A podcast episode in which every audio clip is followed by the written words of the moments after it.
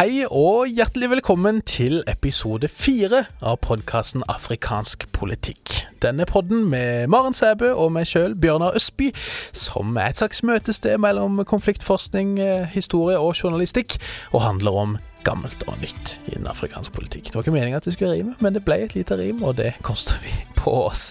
Tusen takk for uh, at dere har lytta med uh, til nå. Det har jo ja, er allerede på episode fire. Forrige episode ble jo en litt sånn maratonepisode om uh, Brennpunkt Rødehavet. Og i dag, Maren, så skal vi til dels snakke om et annet hav, for så vidt, Middelhavet. Men vi skal snakke om et kontinent i bevegelse. Ja, eh, og da mener vi jo selvfølgelig ikke de teutoniske platene, selv om det også har noe å si eh, innimellom. Men vi snakker om hvordan folk beveger seg rundt i Afrika. Mm. Dette eh, har jo en tendens til å framstå for oss som at de alle er på vei hit til Europa. Ja. Men eh, migrasjon i Afrika er som alle andre eh, steder. Det går veldig ofte fra landsbygda til byene. Mm. Det går fra mindre økonomier til større økonomier. F.eks. deler av Vest-Afrika til Nigeria. Fra hele det sørlige Afrika til Sør-Afrika, mm. som på mange måter er en nasjon bygget på migrasjons... Eh, eller migrantenes eh, rygg. Ja. Og det er også et kontinent som i økende grad etter hvert også reiser til andre steder. Afrikanere beveger seg mindre ut av Afrika enn europeere eh, ut av Europa. Det har jo litt med muligheter, eller hvilke muligheter de har for det, men, men det har også med at de kanskje ikke har så veldig mange insentiver. Nei. Den aller meste av migrasjonen ut av kontinentet, den foregår på lovlig vis. Mm. Den foregår på den måten som den har gjort uh, siden kolonitiden egentlig starta. Den foregår uh, på leting etter jobb eller utdannelse, som oftest med tillatelse. Mm. En veldig stor gruppe, særlig til Europa, er de som utdanner seg i Europa. Dette systemet er jo noe som henger igjen, eller har Det, det har gått den veien egentlig i en sånn 70-80-90 år. Mm. Tradisjonelt så ville jo afrikanere som skulle ha noe mer enn uh, folkeskoleutdanning, de søkte seg jo til uh, universitetene i de store kolonimetropolene. Nemlig. Særlig da Paris, London og Lisboa. Mm, mm. Uh, dette er viktige liksom, utdanningssteder for, for afrikanere, og, og, det er fortsatt det. Mm. I større grad enn f.eks. amerikanske universiteter har vært, sånn ja. historisk. Ja. ja. og mange tidlige håper jeg, frigjøringshelter eller eh, landsfadere eh, under eh, håper jeg, dekoloniseringa, avkoloniseringa, hadde jo bakgrunn av gjerne utdanning fra type Paris, eller særlig London, der flere av de som har gått på London School of Economics og lignende. Ja, og Coimbra, da, for, mm. for, for de portugisisktalende. Yes. I tillegg så har vi sett en økning av, av studenter som reiser til Kina. Mm. Det er en ny stor gruppe som, som utvandrer fra Afrika. De drar til, til Kina. Uh, Guangzhou, en stor by, for, for afrikanere i utdanning. Og, og, og litt overalt, egentlig. I tillegg til disse som reiser da for å få utdanning, så har vi uh, de som reiser for jobb, som fortsatt er en stor gruppe. For Europa, som har strammet inn arbeidsmarkedet sitt eh, noe veldig, i takt med at man har åpnet det for intern europeisk eh, migrasjon, så, så har det gjeldt spesielt helsearbeidere. Ja. De siste par tiårene så er den absolutt sikreste veien å komme seg til Europa på, hvis du er afrikaner, er å ta sykepleierutdannelse. Da har du muligheter. Mm. Noe som også har ført til at bl.a. Storbritannia har blitt beskyldt for å tappe flere vestafrikanske land og deler av sørlige Afrika for sykepleiere. Men, men det er altså da eh, den migrasjonen som, som foregår. Ja. Lovlig, udramatisk. Lovlig, udramatisk med fly. Ja, ja. Så har vi en liten gruppe, eh, og det er jo den vi ofte da snakker om, som er den som kommer over Middelhavet, eller over Rødehavet. For å ta den som går over Middelhavet først. Den har jo tradisjonelt også vært lovlig. Altså man må tenke på at det, eh, Middelhavet på mange måter har vært et innenlandshav. Mm. Hvor økonomiene på begge sider har hengt sammen, og hvor folk har reist fram og tilbake både for arbeid og, og muligheter til å både utdanning og tjene penger. Mm. Sånn var det ikke minst fra mellomkrigstida og framover, altså det, på en måte det som var eh, den koloniale heydayen. Da var det ganske vanlig at man, man importerte billig arbeidskraft fra koloniene til, til, europeiske land. Det ser vi jo særlig i Frankrike, som fikk en stor nordafrikansk befolkning, mm. men etter hvert også en vestafrikansk befolkning. Det samme Storbritannia, de henter jo sin eh, arbeidskraft, både fra Karibien mm. eh, og også fra, fra britisk Afrika. Fram til 1990-tallet så var det relativt åpne porter for uh, afrikanere som ville mm. til Europa for å få arbeid. Så skjer det nå selvfølgelig, vi får liksom eh, det som, som, blir Den europeiske union. Mm. Uh, først Maastricht-avtalen og etter hvert tiltagende europeisk integrasjon. Schengen-avtalen, felles grenser. Et økt fokus på å integrere eh, arbeidsstyrken. Lage en felles europeisk uh, arbeidsstyrke. Noe som også gjør at en del av de statene som veldig lenge da har henta arbeidskraften sin i tidligere kolonier, må slutte med det. Nettopp. Dette rammer jo da særlig områder i, i Nord-Afrika og, og Vest-Afrika, hvor en del har søkt lykken mm. i Europa, og plutselig da ikke får den muligheten lenger. Nei altså Det er jo ikke sånn at ambisjonene om å komme seg til Europa stopper. Og, og, mm. folk kan jo ha mange, mange, gode grunner til å ønske seg til Europa, i og for seg. Så da må man jo finne andre alternativer og andre alternative ruter, ikke sant. Ja, det som, som, som uh, først skjer, er jo uh, at det kommer en del afrikanere til de spanske enklavene Sauta Maria, og også at det setter ut en del båter over til Kanariøyene, mm. som jo også er spansk, ja. uh, men ligger nærmere Afrika, egentlig. Mm. Og, og, og, vi får de første bølgene av det man kaller da båtflyktninger eller båtmigranter, eller etter hvert så blir de kalt mye styggere ting også. Ja. Men, men, det tiltar da, den trafikken tiltar fra rundt 2000 og utover, når man uh, går over til å bruke mer østeuropeisk og sentraleuropeisk arbeidskraft i Vest-Europa enn man gjorde tidligere. Just. Så dette her er ikke, sant, Man får jo ofte et inntrykk av at dette starter etter den arabiske våren, og kanskje særlig når det virkelig står på i, i Syria, altså 2014-15, men dette skjer jo lenge før. Det endrer seg nok med, mm. med, med det, men, men, i utgangspunktet så er jo dette Én ting er jo at uh, deler av Vest-Europa har vært uh, litt sånn avhengig av litt billig arbeidskraft, og henta afrikanere til det før de da får et indre arbeidsmarked i EU. Mm. En annen ting er jo at uh, dette gjør jo også at man får migrantsamfunn ja. uh, i Afrika. Mm. At det har vært vanlig å reise til Europa for å, få, for å bygge seg opp en formue, komme hjem og bygge hus og sånne ting. Altså litt sånn som en del folk, mm. nordmenn gjorde det til USA også. Jeg har egen familie som pleide å reise over mm. og så tjene penger, komme tilbake til Norge og bygge hus. Det har vært veldig vanlig. Mm. Når da den muligheten stenges, så, så, så får du jo på en måte en litt sånn effekt av at Eh, en del folk finner seg noe, noe, annet å gjøre, men noen vil fortsatt prøve. Mm. Og da åpner på en måte disse illegale rutene, eller de vi kaller illegale eller ulovlige rutene, og det skaper jo da også et marked for å smugle. Så da har vi egentlig to-tre ruter som har vært særlig sentrale, som vi kommer tilbake til. Du har den som går på utkanten av det afrikanske kontinent, gjerne mm. via Kanariøyene. Disse eh, Ja, om det, det er vel eksklaver, er det det, jeg tror? Disse spanske altså med Spania har jo da territoriet i Nord-Afrika, mm. som er kanskje ikke er så viden kjent, men, men disse spanske eksklavene, ble der det har kommet. Men så har du den sentrale ruta, da, via Middelhavet, og, altså fra Tunisia og Libya, men som da, der man gjerne da har forsert Sahara, mm. og kommer ofte da fra Vest-Afrika, eller for så vidt vel også fra Sudans side. Og en tredje, da, som ikke snakkes så mye om, kanskje, men via Rødehavet, for så vidt. Der man heller da lander i Gulfstatene heller enn en i, i, Europa, i og for seg. Ja, vi snakker om, om, to forskjellige ruter på den østlige. Det ene er fra Afrika til da Gulfstatene, eh, eller via Israel. Mm. Den andre er jo den ruta som går mellom Tyrkia og Hellas, ja, ja. Eh, som vi kan snakke litt mer om når det gjelder hva som skjer i 2014-2015. Mm, mm. For i løpet av disse første årene da, så, så, snakkes det jo en del om at eh, det, det begynner å sette ut båter av, eh, til Kanariøyene, eh, og så begynner det også å sette ut båt, settes ut båter fra, fra Libya. Ja, ja. Da er det jo noen som våkner i Europa og tenker at dette kan vi ikke ha noe av. Og så har man jo ikke noe spesielt godt forhold til han fyren som sitter nede i Libya på det tidspunktet, som er Muammar al-Gaddafi. Mm -hmm. Så man begynner å gjøre avtaler med Libya for å stoppe de båtene som kommer derfra. Ja. Eh, dette var jo en del av den normaliseringen av Gaddafi før den arabiske våren. Stemmer. Eh, og det, der ble det jo lagt ned en del krefter som, som eh, siden fremstår som litt sånn aparte og rare. Og, og som selvfølgelig var helt fånyttes i det øyeblikket Libya klappa sammen. klappa sammen.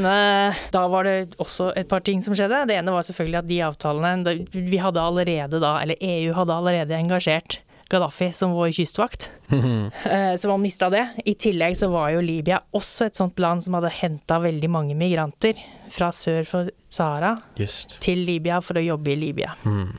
Uh, Libya hadde oljepenger, de trengte ikke å gjøre alle de der jobbene, så, så det kunne de bruke uh, andre afrikanere til. Nettopp.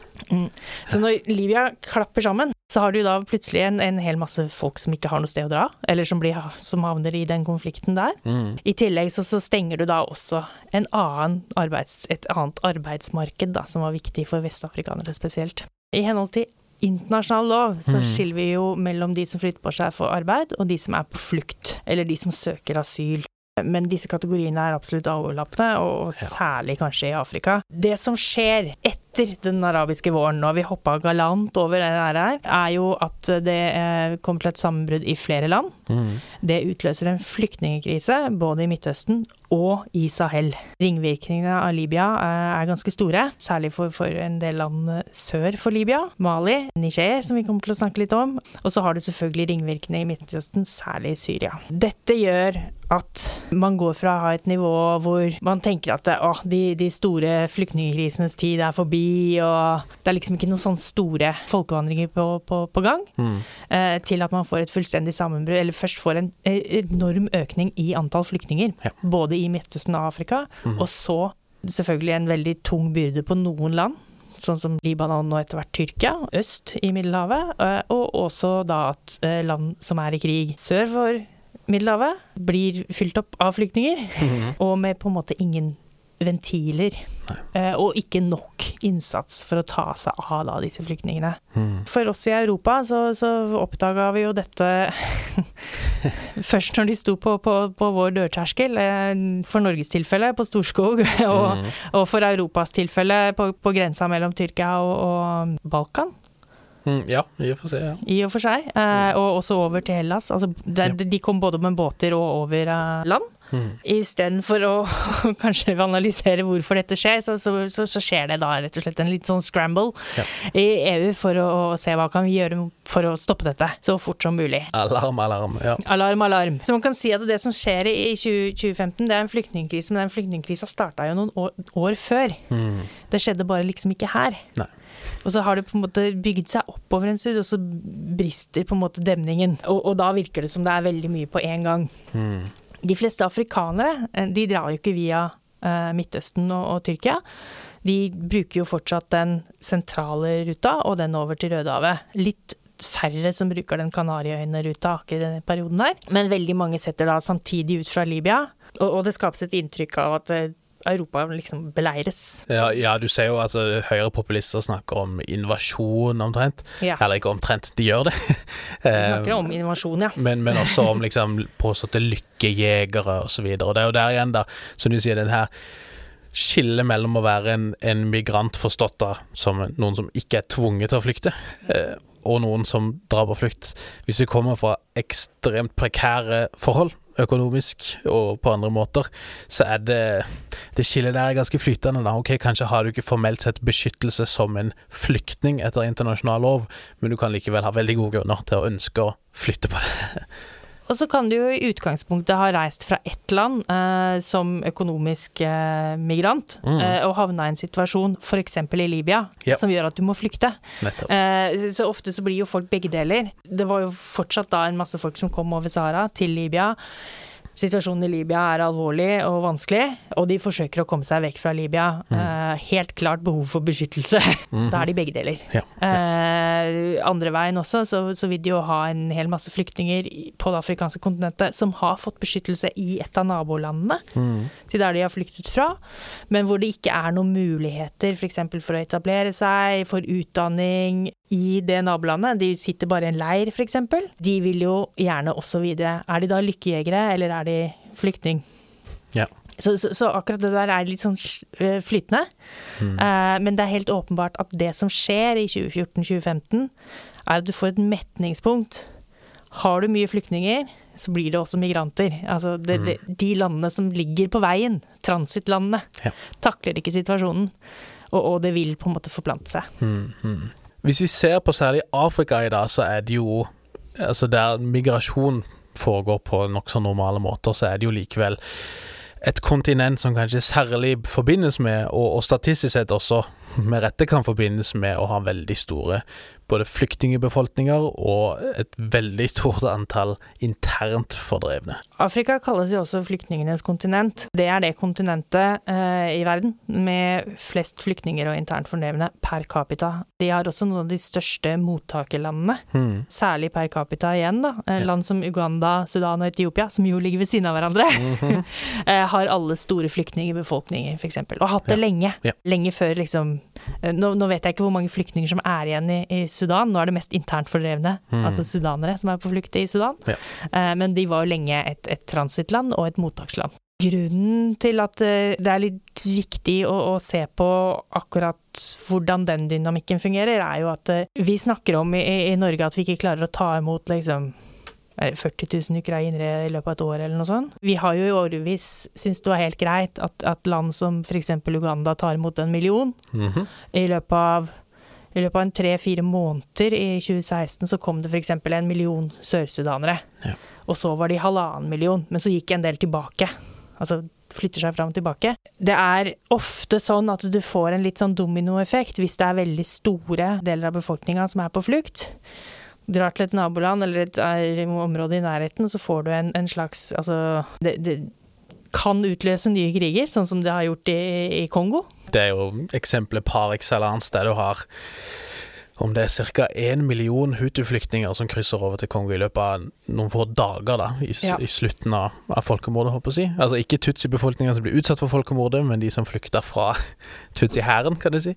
Um, og det har jo fått ringvirkninger frem til den dag i dag, egentlig. Den, den er jo ikke løst helt, den situasjonen. Nei. Pågått siden 1994, yes. uh, så det er 30 år. Vi snakka i forrige episode veldig mye om, om uh, Afrikas Horn. Der har vært, eh, har vi sett den effekten flere ganger, at eh, millioner av flyktninger går mellom eh, land som Etiopia, Sudan, Sør-Sudan og utløser uro i andre land. Mm. Det samme det, er det potensial for i Tsjad, f.eks. Ja, utenfor Darfur. Nettopp. De konfliktene som var i Afrika i 2015, da vi snakka om en flyktningkrise, veldig mange av dem er jo ikke løst. Eh, veldig mange av de som var flyktninger den gang, er fortsatt flyktninger nå. I tillegg så har nye konflikter brøtt ut. Så nå har vi jo et, liksom, et rekordhøyt antall. Ja, hvis du ser, altså en ting er hvis du ser globalt da, fra 2011 til i dag, så har jo det totale antallet nesten tredobla seg fra å ligge nokså stabilt på rundt 30 millioner fordrevne globalt. Mm. i sånn 2000-årene, rundt 2010, til å nå være på godt over 100 millioner. Da. 110 tror jeg de snakker ja, om nå. Ja. 110 millioner. Det eh, er jo en ganske stor byrde for de, altså de nærmeste nabolandene, eh, mm. mottakslandene, som sagt. Det er jo et limbo for de som er på flukt. Eh, de kommer jo ingen vei. Eh, og det skaper jo alle mulige, som vanlig, da, også business opportunities. Som er det som EU eh, e kanskje velger å fokusere på når de tror de skal løse dette. ja, det kan du si. Mm. Ja, vi kan jo kanskje ta turen til eh, Vest-Afrika, kanskje særlig. Vi kunne, holdt, vi kunne snakka mye om Sentral- og Øst-Afrika. Bare for å ta det, da, så er det jo DR Kongo som har akkumulert enormt med internt fordrevne og gjennom årene, ligger jo på over syv millioner internt fordrevne nå. Det siste jeg hørte, Sudan er bikka syv millioner totalt. Men hvis vi tenker på migrasjon og folk som har prøvd å komme seg til Europa, så er det jo mm. kanskje særlig ett land, Niger, som har vært et veldig sånn viktig transittland, såkalt, fordi en av de sentrale rutene gjennom Sahara opp til Libya, særlig eller Tunisia, har gått da via denne byen Agadez. Mm. Som ligger liksom sånn eh, porten inn i Sahara, om du vil. Litt sånn siste Agades stopp. Agades har litt sånn samme klang for meg som Tåreporten, som vi snakka yes. om i forrige uh, episode. Ja, det, det, ja. det, er, det, er, altså, det er et uh, navn som på en måte Det har en sånn sus over seg. Litt sånn eventyrlig sus. Ja, uh, og er jo da porten til Sahara. Mm. Der har eh, jo mange gjort ganske god eh, business på dette her. Og altså, så, En ting som vi bør ha klart for oss, er jo at folk har jo alltid vært i bevegelse på det afrikanske kontinentet. Særlig i Sahel og, og Sahara-regionen, der man har hatt denne transsahariske handelen i, i, alle år, holdt på å si, med konvoier som har frakta både folk og varer, og, og der ja, grenser alltid har vært flytende også. Vi har altså, vel sånn. omtale av, av, disse karavanerutene eh, ned ned til Niger og videre mm. vestover til Mali, tilbake til sånn 600-700-tallet. Ja, nettopp. sant. Så dette, dette, er områder der folk alltid har forflytta seg, både folk og varer. Så når man snakker nå om smugling i dag, så er nok ikke mm. det begrepet som man ville kanskje brukt for bare litt siden, for dette er nokså sånn business as usual, da. Men i en by som Agadez så er det jo veldig mange som har kunnet gjøre ganske god business av på en måte migrasjonsbransjen, om du vil. En ting er jo bare de som selger flasker med vann, eller eh, hva det måtte være, til de som skal ut på den reisen på tvers av Sahara. Eh, men ikke minst da skal vi si transportbransjen, som, som, kan tjene tusenvis av dollar i måneden, hvis det er gode forhold, håper jeg, på å frakte det som kan være både migranter og flyktninger, da, over Sahara på vei mot Middelhavet. Og så har jo EU prøvd da å ja, løse ting er vel å si veldig sjenerøst, men EU har eh, valgt å tolke dette ikke som en humanitær problemstilling, men som et sikkerhetsspørsmål, egentlig. For migranter er skummelt. De kommer jo for å invadere oss, skal man tro noen politikere. Det har vært ganske mange av de politikerne i EU som har ordlagt seg omtrent sånn. Yes. Ja. Ikke bare populistene heller. Nei. Eh, så, så det å liksom flytte den europeiske grensa så langt sør som mulig har på en måte vært et mål, da. Og, og det kanskje sørligste punktet vi kan diskutere om det kanskje har vært i Sudan også, men i hvert fall i Niger har blitt beskrevet som kanskje den sørligste grensa. Vi kan vel si at EU brukte ganske betydelige mengder med press mot eh, myndighetene i Niger for noen år tilbake, for å få de til å innføre en lov som skulle forby da smugling av migranter gjennom Niger, mot da at Niger mottok eh, rikelig med penger i eh, ja, altså økonomisk støtte og bistand fra EU-hold og fra et sånn eh, fond, da, egentlig, som EU administrerer. Det er et fond som heter EU eh, e Trust Fund for mm. Africa. Vakkert. Og hensikten med fondet var jo da selvfølgelig å ta the root causes. Mm. Altså grunnårsakene, eller rota, til, eh, til migrasjonen. Men det var jo ganske klart, eh, eller tidlig klart, at de ikke var så opptatt av å, å, å løse alle Afrikas problemer, men å Ta symptomene. Ta symptomene. eh, ja. Sette opp noen veisperringer på veien, rett og slett. Mm. Eh, og da kom vi jo inn i et litt sånn der eh, mudrete farvann, fordi på samme måte som man da eh, før den arabiske våren hadde eh, ansatt Gaddafi som, som, en slags grensevakt, yep. så har jo da EUTF og tilliggende herligheter fra EU-hold hatt mye fokus på å bygge opp et sikkerhetsapparat, eller støtte et sikkerhetsapparat mm. rundt omkring i sånne plasser som Niger, Libya eh, og Sudan. Yeah. Og alle de tre stedene så må vi vel si at eh, det ikke gikk så bra. Nei. Det var tidlig eh, en, en, god del spørsmål om, om eh, hvordan det var med menneskerettighetene forhold, i forhold til dette her. De spørsmålene ble større og mer omfattende etter hvert. Eh, særlig kanskje fordi eh, man bl.a. har brukt en libysk kystvakt som har drevet med såkalt pushback kystvakt i anførselstegn, tror jeg vi kanskje kan si også. Det er ja. praksismilits. En milits i, i, Libya som ja. har fått i oppdrag å plukke opp folk av sjøen og ta dem tilbake til Libya eh, ja. og internere dem. Ta gjerne først penger for å smugle de over, mm. og så tar de tilbake igjen for penger fra EU. Dette er jo litt sånn som det skjedde i Sudan. Der var jo Vi har også snakket en del i disse episodene om denne sudanske krigsherren Hemeti, som er på offensiven i Sudan. Han gjorde jo også karriere som grensevakt. Og, og smugler. Og smugler. altså, disse gutta bør ha hatt liksom æresdoktorat på Harvard Business School, noen av de, altså, for de har det med å game systemet til sin økonomiske fordel, for å si det sånn. Det var nok veldig lukrativt for han. og EU har jo sagt flere ganger at de har ikke noe eh, kjennskap til at noe penger har tilflytt han. Men han var engasjert eh, for å drive pushback mm. eh, på grensa mellom Tsjad og Libya og Sudan, og tjente nok på det. Samtidig som han kontrollerte handelsrutene, inkludert smuglingen. Yep. Nice work if you can get it.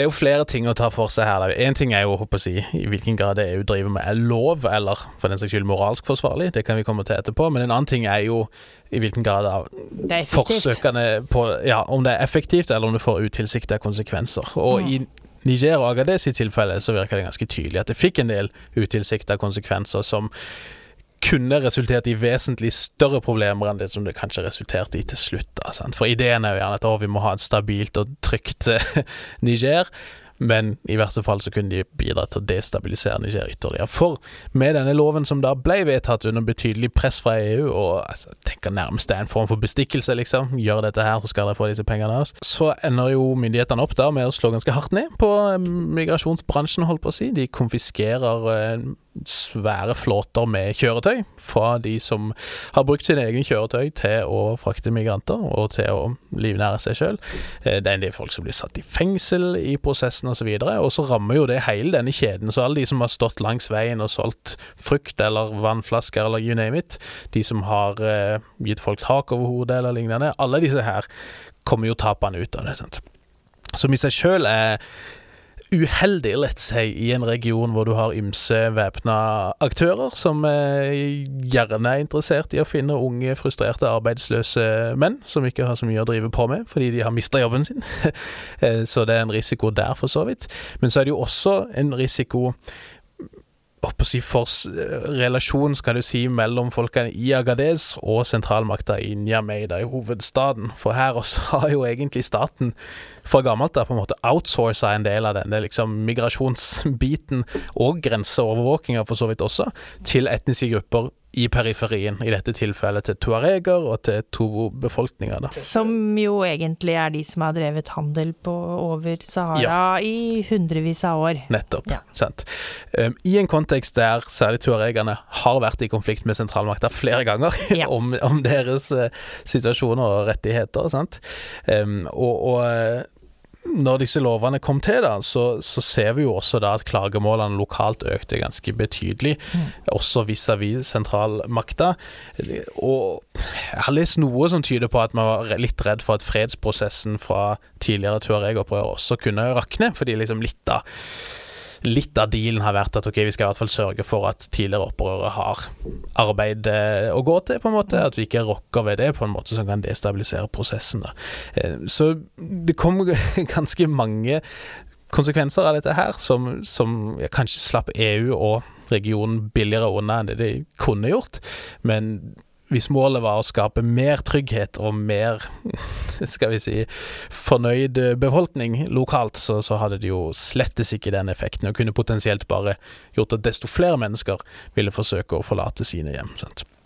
De har jo fått en voldsom pushback, i hvert fall i Niger. Og jeg vil vel si at vi kan sette Sudan på den lista også. Mm. Uh, og det betyr jo at de to mest sentrale uh, transittlandene ja. uh, sør for Sahara Mm. Eh, altså de, de, to rutene som, som eh, går til Libya, begge de rutene er nå si, satt ut av spill. Ikke satt ut av spill som ruter. Eh, hvis du har lyst til å smugle, så har du bedre vilkår enn noensinne, vil jeg mm. tro. Mm. Sikkerheten er svært dårlig, kan gjøre store penger, og det er selvfølgelig blitt veldig mye farligere for de som uh, faktisk prøver seg Nettopp. For da det var ulovlig i Niger, så måtte man jo da finne andre ruter. Ruter som var mye farligere, som var mye lengre fra allfarvei. Mm. Der det ikke var mulig å stoppe noe sted for å finne vann eller ly eller lignende. Sant? Så enda, enda mer risikabelt, rett og slett, for de som ønsker å forflytte seg. Så har det jo da funnet sted et kupp i Niger. Og ja. kuppmakerne der annonserte nylig at de nå skroter denne loven som de eh, innførte under uh, innflytelse fra EU, let's say. Eller Frankrike, som de også pleier å kalle det. ja.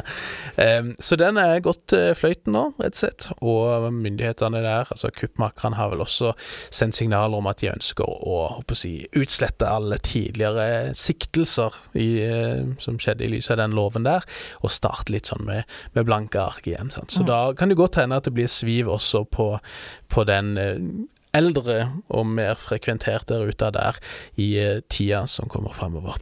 Så er det jo også sånn, da, at det er jo en del aktører, ikke bare i Afrika, som har skjønt at nettopp migranter, eller flyktninger, eller begge deler hvis du bruker migrasjon for å dekke alt, mm. det er et sted som du kan presse EU ganske hardt på. For det er lite som virker å uh, skremme EU mer enn akkurat det. Det er jo så klart noe som eh, Erdogan har perfeksjonert i Tyrkia. Sant? Hvis det er et eller annet han er misfornøyd med, vis-à-vis EU, eller Nato til og med, mm. så uh, har han flere ganger sagt at ja, ok, men da kan jeg bare åpne grensa til EU og slippe av gårde 3,5 millioner syriske flyktninger, se hvor tøffe dere er da. Mm. Uh, Lukasjenko i Hviterussland har gjort lignende. Men vi har også sett afrikanske aktører legge seg på en lik linje og ja, gjøre migranter til våpen, hadde jeg nær sagt. Og da er vi tilbake til our usual suspects. Yes. Så da er vi tilbake igjen da til Hemeti. Vi blir aldri kvitt den gutten. Uh, I 2021, etter dette da, på en måte andre kuppet, altså mm. da de kuppmakerne som fjerna Omar al-Bashir i 2019, så fjerna sivile overgangsregjeringa to år etterpå. I etterkant av det så eh, var det jo særlig en sak, i hvert fall i Politico, der uh, Hemetti Hemeti eh, var ute og fortalte at eh, hvis ikke utenforstående aktører som EU og USA anerkjenner og støtter opp om dette nye militære styret, så eh, er det mye mulig at veldig mange flyktninger vil finne veien i deres retninger. Nettopp sant, fordi Sudan er en av disse transittstatene, men der det også er veldig mange flyktninger fra forskjellige naboland. Og ting roer seg ganske fort etter det. Dittos Ditto var det jo en sak tidligere samme året med Marokko og Spania, som hadde en sånn liten feide rundt igjen den eksklaven Sauta, ehm, der eh, Marokko og deres grensestyrker beslutta å bare egentlig slippe gjennom, Og det er 8000, tror jeg, migranter og flyktninger inn på det spanske området. Utløste jo egentlig en mellomstatlig krise da, men, men det ble sagt å være da et slags straff, fordi Spania hadde tatt imot lederen for Polisario, denne her eh, opprørsgruppa i Vest-Sahara, som er dels okkupert av Marokko, eh, og gitt han eh, helsehjelp på et spansk sykehus. Så det er liksom sånn OK, hvis dere skal hjelpe våre fiender, så bare skyller vi inn med migranter på deres territorium og ser hvor tøffe dere er da. Og det roer seg ganske raskt. Gaddafi, det var jo han som nesten oppfant den derre ja. Hvis dere ikke mm. Hvis dere ikke møter mine krav nå, så, så slipper jeg opp. Ja.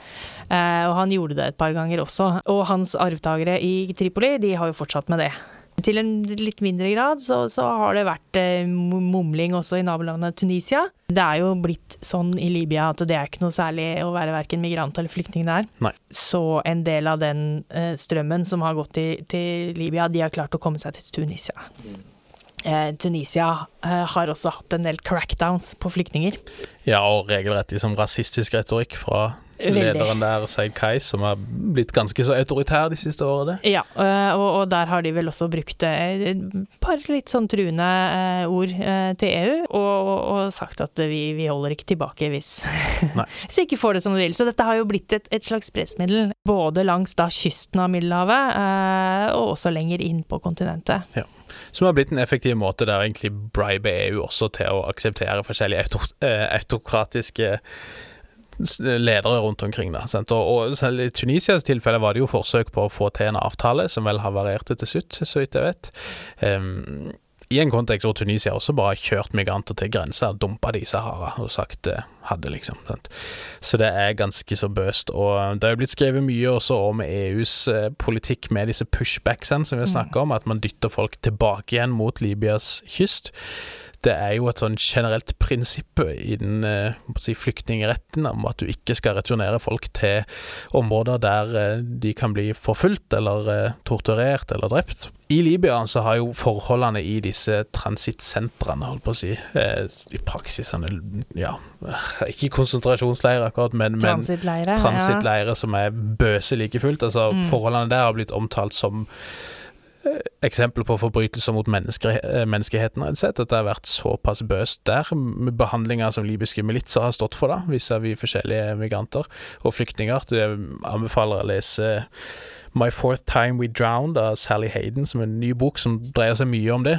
Der du får uh, førstehåndsberetninger fra en rekke flyktninger og migranter som har oppholdt seg der, og hvor gyselige forholdene der har vært. Men det er noe EU da har bidratt til vitene, holdt på å si, og sende de til, tilbake. Da. Det er jo et mønster her at eh, det er uh, viktig med menneskerettighetene, og det er noe som EU gjerne vil snakke om, mm. uh, også når de er i Afrika. Men det er et par ting som er viktigere enn menneskerettighetene. Yes. Og kontroll på grensene er eh, åpenbart viktigere for EU enn enn menneskerettighetene. 100%. Og, og vi har jo, vi har jo outsourca vår grensekontroll, eller Schengens grense, grensekontroll, Mm. og det inkluderer jo da Norge, til eh, noen av de verste folka i verden. Mm. Eh, det er de i Libya, det er Hemeti i Sudan, og det kan være ymse andre personer på veien.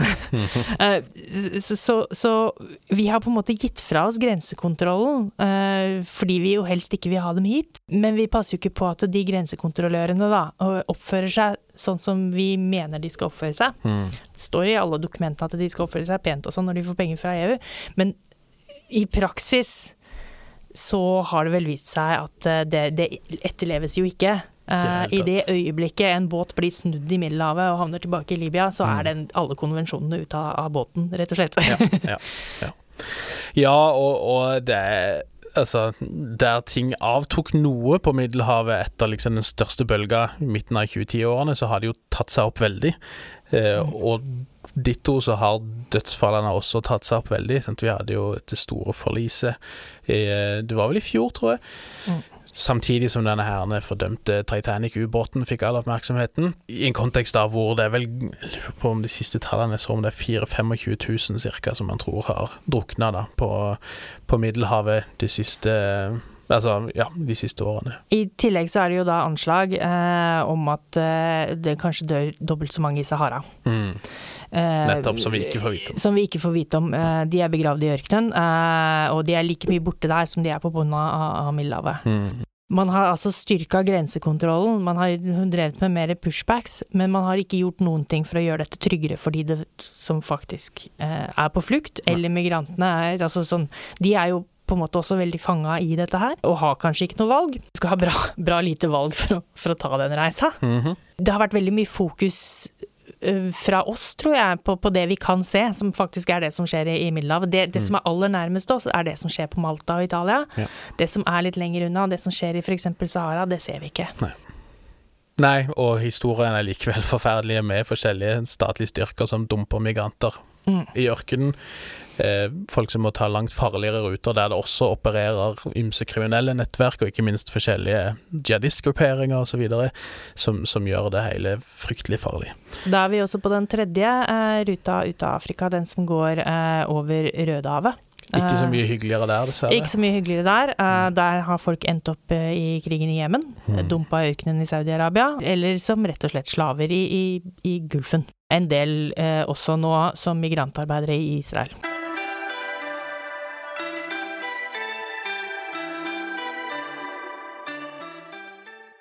Altså, jeg, jeg tenker jeg skal snakke litt om hva som eventuelt var løsningene. Eh, Ja. Hadde jeg hatt de, så hadde jeg selvfølgelig hatt en mye bedre betalt jobb, eller i det minste en jobb. Det er jo sånn at eh, det, det er fryktelig mange gode tanker hvis man leser disse dokumentene til, Mm. til eh, EUs Trust Fund for Africa, hører på politiske taler. De skulle jo utvikle hele Vest-Afrika og sagt, ta, ta problemet ved rota og, og gi vestafrikanere arbeid. Ja. Eh, ikke noe av det har skjedd, selvfølgelig. Det har vært eh, et fokus på da dette som et sikkerhetsproblem, et fokus på dette som en trussel. Samtidig som vi da har fått en enda større flyktningbefolkning på kontinentet. Igjen, det har ført til at de, altså med flere flyktninger rundt de tilbudene som faktisk er til flyktninger på kontinentet, så blir det mindre på hver. Det betyr at vi nå har en ganske stor masse med mennesker. Noen av dem er kanskje økonomiske migranter, men veldig mange er flyktninger. Eh, Som, som, som er, lever helt på eksistensminimum i det beltet sør for Sahara. Altså Sahel og hele veien til Hornet. Mm. Mm. Ja, også litt ned i Vi må ta med Kongo. Yeah. Løsningen på det er selvfølgelig også styrke. Styrke FN og FNs høykommissær for flyktninger og Den internasjonale organisasjonen for migrasjon. Men det er selvfølgelig også da det som man ikke vil diskutere så veldig mye i EU. Det trengs en, en fordeling, en bedre fordeling av byrdene ved mottak av flyktninger i verden. Hmm. Det er jo sånn at eh, Europa tar en del, men vi tar jo ikke i nærheten av det samme. Eh, selv ikke fra Ukraina, så som en del såkalte nærområder gjør. Samtidig så har også igjen da den situasjonen i Ukraina ført til kutt i alle de andre nærområdene. Mm. Nå er jeg dessverre ikke inne på noen løsning, nå er jeg egentlig bare inne på Mer problemer. Vi er i en nedadgående spiral her. Det, det som trengs er selvfølgelig en, en eh, dyr og massiv eh, internasjonal enighet om, om Mm. hvordan man skal løse uh, flyktningkrisa Ja. på alle kontinent. Eh, hvordan man skal stoppe krigene som, som produserer disse, Mm. og hvordan man skal fordele også da noe ved byrdene Ja. ved, ved, ved at det, det pågår så mange konflikter på en gang. Jeg tør å gjette på at løsninga ikke er å bare sende alle til Rwanda, sånn som Storbritannia har uh, lekt med en stund. Eh, Det er sannsynligvis en veldig dårlig løsning. Yes. Vi kunne snakket mye om, om den løsninga også. Det, Mm. det, Høyre har jo vært inne på det her hjemme i Norge, uh, og det har jo vist seg å ikke være så veldig lett. Nei. Fordi domstolene jo ikke helt stoler på om Rwanda er et godt nok sted å sende dem. You know. uh, Jeg så Pål Gagama hadde fått et spørsmål her denne uka om, Mm. Stemmer det. Ja.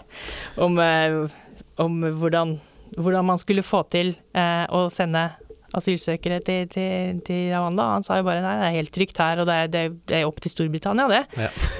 Venter jo bare på dem. Mer om Kagame seinere. Mer om Kagame senere. Men, men nei, altså det, e- det ene er jo selvfølgelig om den, den ordningen er effektiv. Det andre er selvfølgelig om den er lovlig. Det, det nummer to-punktet, det, det skal ikke jeg si noe om, for det, kan jeg ikke så veldig mye om. Nei. Men punkt én, nå viser vel debatten også i Underhuset at det, det, det er uenighet i, langt inn i Tory-partiet Mm. hvor effektivt den trusselen om å, sendes til Rwanda er, for de Mhm. som ønsker å sette utover kanalen. Ja, ja. Jeg, jeg ser ikke helt hvor, om den ville vært noe mer effektiv for Norge, egentlig. Men um, det, uansett, de, de har vel holdt på å snakke om den løsningen nå et par år uten å ha kommet noe særlig videre. De har vel bygd et hotell i Mm. Eller fått disponere et hotell i Kigali, Ja. som fortsatt står tomt. Det er vel noe sånt, ja. Mm. Det er jo egentlig igjen, da. En Ravanda-løsning er vel mer et symptom enn det er en løsning. Mhm. Eh, på, på samme måte som veldig mye av det andre vi har snakket om, er symptomer og ikke løsninger. Så hvis vi ser framover, da. 2024. Basert på det vi vet nå om, om eh, Nå er vi eh, ja, nærmere slutten av januar, håper jeg å si.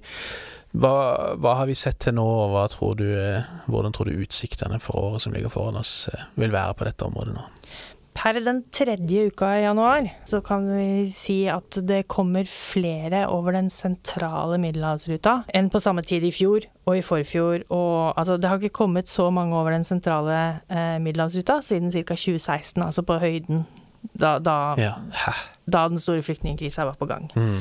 Eh, nå er ikke januar noe, noe stor eh, måned for sjøtrafikk over Middelhavet. Nei.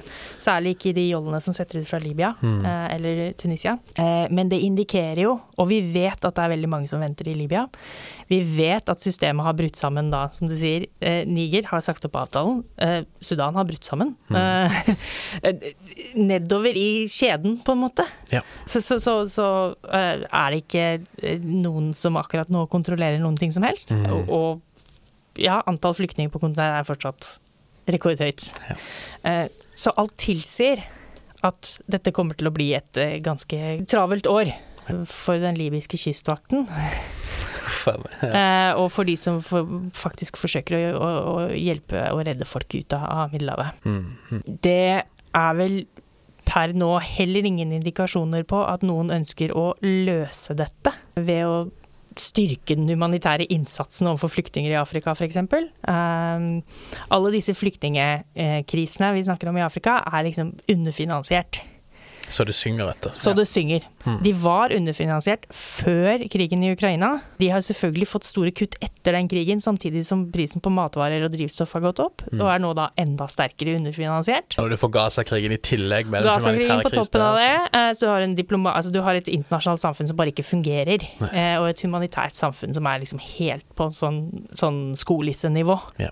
Så, så det, er, det er dessverre ikke noe godt nytt for noen, eh, Mm. men aller minst da for de som, som ikke har andre utveier enn å sette, på det, sette ut på det som egentlig jo er en veldig farlig Mm. reise i flere etapper, med, med liten garanti om å lykkes. Ja, og jf. forrige episode om Rødehavsregionen, så er det jo også påfallende der hvor altså sånn, Når du ser på hvor mange mennesker som befinner seg i den regionen, sant? altså over 100 millioner i Etiopia alene, 45 millioner ca. i Sudan, pluss, pluss, pluss i områdene rundt, sant? at det det er påfallende hvor lite initiativ det er fra EU der, sammenligna med den frykten det mm. er EU for kollaps og millioner på millioner av flyktninger som vil prøve å komme seg nordover fra de regionene potensielt. Det er liksom en sånn mismatch der som ikke helt gir mening. Ideelt sett så er det fordi at man tenker at man må løse det for folkenes skyld, og ikke for EUs skyld. Mm. Men like fullt så er det påfallende hvor lite trøkk det er på den kanten også, gitt det enorme potensialet for, for millioner av flyktninger. Også der. Altså, EU e vet jo at eh, det øyeblikket liksom demningen brister i Midtøsten, så, så har det mer umiddelbare konsekvenser for EU enn om det brister ned i Sudan. Ja. Eh, samtidig så vil jo også politikere På kort sikt. På, kort sikt. Mm på lang sikt så, så, vil du få noen av de samme effektene. Samtidig så lider jo alle politikere i EU under det samme som oss. Vi ser en veldig liten flik av verden. Mm. Vi ser Ukraina-krigen hver dag på TV, og så har vi hatt Gaza-krigen hver dag på TV eh, en stund. Men den forsvinner sikkert litt ut av i synsranden om en liten stund. Men vi ser jo ikke dette andre. Eh, så det er en Altså, vi snakka om det i forrige episode om Røde Hav også, oppmerksomhetskapitalen. Mm. For disse afrikanske flyktningkrisene, den er ikke så sterk. Nei. Eh, det er heller ikke noe jeg ville investert i. Det er liksom Eller jo, det har jeg jo egentlig, på en måte. Men det er ikke dette som, som, som ligger liksom øverst i bunken av, av de problemene som, som, som folk i Brussel vil sette seg ned og mm å løse. Det ligger nok ikke øverst i bunken her i Norge heller. Da kom man jo opp med sånne dumme forslag, da, som å ja, vi må se på det britiske Ravanda-eksempelet. Nå kalte jeg det dumt, jeg, jeg, finner liksom ikke så veldig mange andre ord for det. Eh, men, men altså, det viser ikke veldig god kjennskap til eh, verken Ravanda, regionen, eh, flyktninger i Afrika eller migrasjon ut av Afrika heller, for den saks skyld. Nei. Nå skal det da også spesifiseres at i det britiske eksempelet så handler det jo ikke bare Det handler om asylsøkere til Storbritannia. Mm. Uavhengig av hvor de kommer fra. Yes. Så det kan være folk fra Myanmar. Det kan være fra Myanmar eller Afghanistan eller en del ja. albanere også, tror jeg, som har reist i sin tid. Men som du sier, det er nok ikke tilfeldig at hvis du ser sånn, Flyktninghjelpa her til lands publiserer jo hvert år en liste over de ti mest neglisjerte fluktkrisene, basert på politisk oppmerksomhet, på å si, medieoppmerksomhet og finansiering, eller underfinansiering. Og da er det nesten alltid afrikanske stater som dominerer. Hvis jeg ikke husker helt feil, i fjor tror jeg det var utelukkende afrikanske stater på den lista. Vanligvis er det i hvert fall den store majoriteten. Det pleier å være åtte til ni, liksom, av ti. Yes. Dessverre. Dessverre. Hvis jeg skal ta det litt rundt her, da, tilbake til det jeg starta med selv om dette er veldig synlig, eh, og dette er veldig alvorlig, så må man huske på igjen at den aller meste av migrasjonen foregår lovlig, mm. Eh, og er ganske som andre steder. Og at også veldig mye av migrasjonen eh, foregår internt på kontinentet. Ja. Vi, vi, høres veldig problemorientert ut, men, men det er også det er også andre sider som vi ikke har tatt opp nå, men som vi kanskje kommer tilbake til siden. Mm. Med det så går vi inn for landing i denne fjerde episoden vi vet ikke helt hva neste episode skal handle om, for vi har så mange ting på lista vår. Så det blir en overraskelse. Men eh, følg med, abonner på afrikansk politikk, så du blir oppdatert når neste episode kommer. Og så hadde vi satt kjempestor pris på om du også vil gå inn og legge igjen en liten eh, sånn review. Gi oss noen stjerner der på den podkastplattformen du bruker, sånn at andre også får øye på podkasten vår. Det hadde vi blitt veldig takknemlige for. Enn så lenge så sier vi eh, takk takk for oss. Takk til deg, Maren. Takk, takk. Vi høres.